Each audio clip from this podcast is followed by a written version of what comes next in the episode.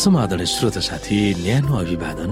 म उही तपाईँहरूका आफ्नै मित्र धनलाल राईको। श्रोत साथी आज म तपाईँको बीचमा बाइबल सन्देश लिएर आएको छु। आजको बाइबल सन्देशको शीर्षक रहेको छ हाम्रा पिताले दिनुहुने तालिम वा अनुशासन? श्रोता आजको अध्ययन हिब्रूको पुस्तकबाट। हामीलाई यहाँ हिब्रू बाह्र अध्यायको एकदेखि पन्ध्रमा विशेष सन्देश छ जुन हामीले यस पुस्तकमा अध्ययन गरिरहेका विषयवस्तु ठ्याक्कै मिल्दछ। हामी यहाँ एकदेखि हेर्न सक्छौ। यसकारण यतिका साक्षीहरूको ठूलो बादलले हामीलाई घेरिराखेको हुनाले हर किसिमका बोझा र हामीलाई सजिलैसित अल्झाउने पापलाई पन्चाएर हाम्रा सामुन्ने राखिदिएको दौड धैर्य साथ दौडौँ। हाम्रा विश्वास सुरु गर्नुहुने र पूरा गर्नुहुने यसुलाई हेरौँ जसले उहाँको सामुन्ने राखिदिएका आनन्दको निम्ति अपमानलाई केही जस्तो नठाने क्रुसको कष्ट भोग्नु भयो र परमेश्वरको सिंहासनको दाहिनेपट्टि विराजमान हुनुहुन्छ। पापीहरूबाट उहाँको विरुद्धमा भएका यतिका विवादहरू सहनु हुनेलाई विचार गर र तिमीहरू शिथिल नहो अनि हरेस नखाओ पापको विरुद्धमा तिमीहरूले गरेका सङ्घर्षमा रगत बगाउनु पर्ने अवस्थासम्म तिमीहरू पुगेका छैनौ। के तिमीहरूले अर्तीका ती वचन भुलेका छौ जसले तिमीहरूलाई पुत्रहरू भनी सम्बोधन गरेको छ? हे मेरो पुत्र परमप्रभुको टाट्नालाई हलुका नसम्झ।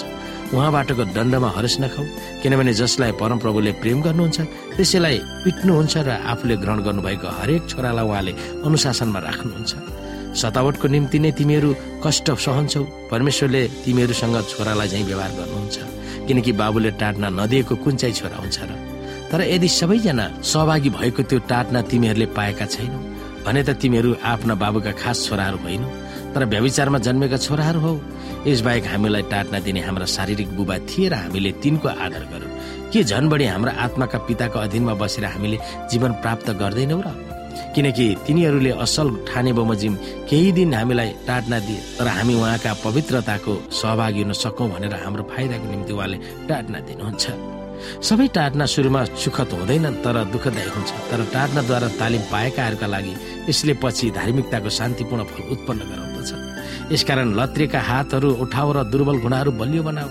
तिमीहरू हिँड्ने बाटो सोझो बनाऊ ताकि लङ्गडो गोडा नखुस्कोस् लङ्गडोको गोडा नखुस्कोस् तर निको होस्। सबै मानिसहरूसँग शान्तिमा बस्ने र पवित्र हुने प्रयत्न गर। पवित्रता बिना कुनै मानिसले परमप्रभुलाई देख्न सक्दैन। ध्यान देऊ कि कुनै मानिस परमेश्वरको अनुग्रह प्राप्त गर्नदेखि वञ्चित नहोस् ताकि तितोपनको ज्वरो उम्रेर आइकन त्यसले फुट नल्याओस् र धेरैजनालाई अशुद्ध नपारोस्। विश्वासीहरू कठोर अनुशासनमा बस्न तालिमको आवश्यकता छ भनेर पावलले व्यक्त गर्दछन्। पिटाई टाट्ना कुटाई अनुशासन जस्ता अर्थ दिने शब्दहरू दसपल्ट यस अंशमा उल्लेख गरिएको छ। पौराणिक ग्रिकमा यो शब्द शिक्षा पठन पाठन र अध्ययनसँग जोडिएको थियो। ती सबै अनुभवमा प्रक्रियाहरू मानिसको आधारभूत शिक्षाको निम्ति आवश्यकताको निम्ति प्रयोग गरिन्थ्यो। विश्वास निष्ठा र आस्थाको स्कुलमा अनुशासन प्रभुले प्रयोग गर्नुहुन्छ भनेर पावलले व्याख्या गर्न खोजेको पाइन्छ। हिब्रू एघारमा विश्वासका पात्रहरूलाई कुन कुन कठोर र मृत्युको पनि प्रक्रियाद्वारा शिक्षा दिनुभएको थियो। हिब्रू एघार भरि पावलले विश्वासका धरोहरहरूको चित्रण गरेका छन्। तिनीहरूमा स्त्री र पुरुष दुवै छन्। जब तिनी भीषण अग्नि परीक्षामा थिए तब प्रभुप्रति तिनीहरूको आस्था र निष्ठा जारी राखेका थिए। अनि हिब्रू बाह्रमा पावलले ती प्रक्रियाहरू हामीतिर सोझ्याउँछन्। हामीभन्दा अगाडि अनेकौं कष्टहरूमा पनि धेरैले विश्वास थामिराखेको परिप्रेक्ष्यमा हामी पनि विश्वासमा दगुर्न सक्छौँ र हाम्रो आस्था वा विश्वासको जीवन सिद्ध्याउन सक्छौँ भन्ने सपना आफ्ना पाठकहरूलाई पावलले सुनाउँछन्। तर ती विषम परिस्थितिमा ती मानिसहरू कसरी सहेर बस्न सके? र अटल भएर बसे भन्दा त्यसको मूल मन्त्र वा आधार तिनीहरूको आँखाहरू यसुमा एकटक लगाएर राखेका थिए। हिब्रू बाह्र अध्यायको दुईमा तिनीहरूको कठिन परिस्थितिमा यसु नै धरोहरको रूपमा अनुकरणीय उदाहरण भन्नुभएको थियो। हिब्रू बाह्र अध्यायको तिन हिब्रू बाह्र बुझ्न त्यसमा रिडिङ ग्रास वा अक्षर पढ्न सक्ने विभिन्न चस्माहरू हाम्रो माझमा दिएको आभास हुन्छ।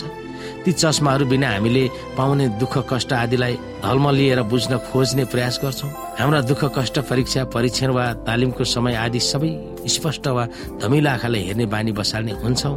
यदि हिब्रू बाह्रलाई केलाएर पढ्ने खुबी हामीमा भएन भने तर जब ती चस्माहरूले हामी पढ्छौँ तब हामीले पार हुने दुःख कष्टको संस्कार स्पष्ट हुन्छ र हाम्रा कठोर परिस्थितिलाई बडो बुद्धिमानी र निपुणता साथ सामना गर्न सक्ने हुन्छौँ। ती चस्माहरू के हुन् भनेर हिब्रू बाह्रदेखि एकदेखि तेह्रमा फेरि हामी हेर्न सक्छौँ। अनि त्यसको निपुण जवाबको निम्ति पद पाँचदेखि तेह्रमा ध्यान दिन सक्छौँ। अनुशासनको स्रोत के हो? अनुशासनप्रति हाम्रो जवाफ वा प्रतिक्रिया के हो? अनुशासनको लक्ष्य के हो भन्ने विषयमा बुझ्न सक्दछौँ। हामीले हिब्रू बाह्र अध्यायको एकदेखि तेह्रलाई हेऱ्यौँ भने आशाको आधारहरू त्यहाँ के के छन् सुखको सूची हामी बनाउन सक्छौँ। तपाईँको आफ्नै तालिम अवधि शिक्षण अवधि वा आत्मिक अनुशासन अवधि के हो आशाको अनुभव कसरी गर्न सक्नुहुन्छ? त्यो विषयमा हामी बुझ्न सक्दछौँ। श्रोता साथी आजको लागि बाइबल सन्देश यति नै। हस्त नमस्ते जय मसिंह।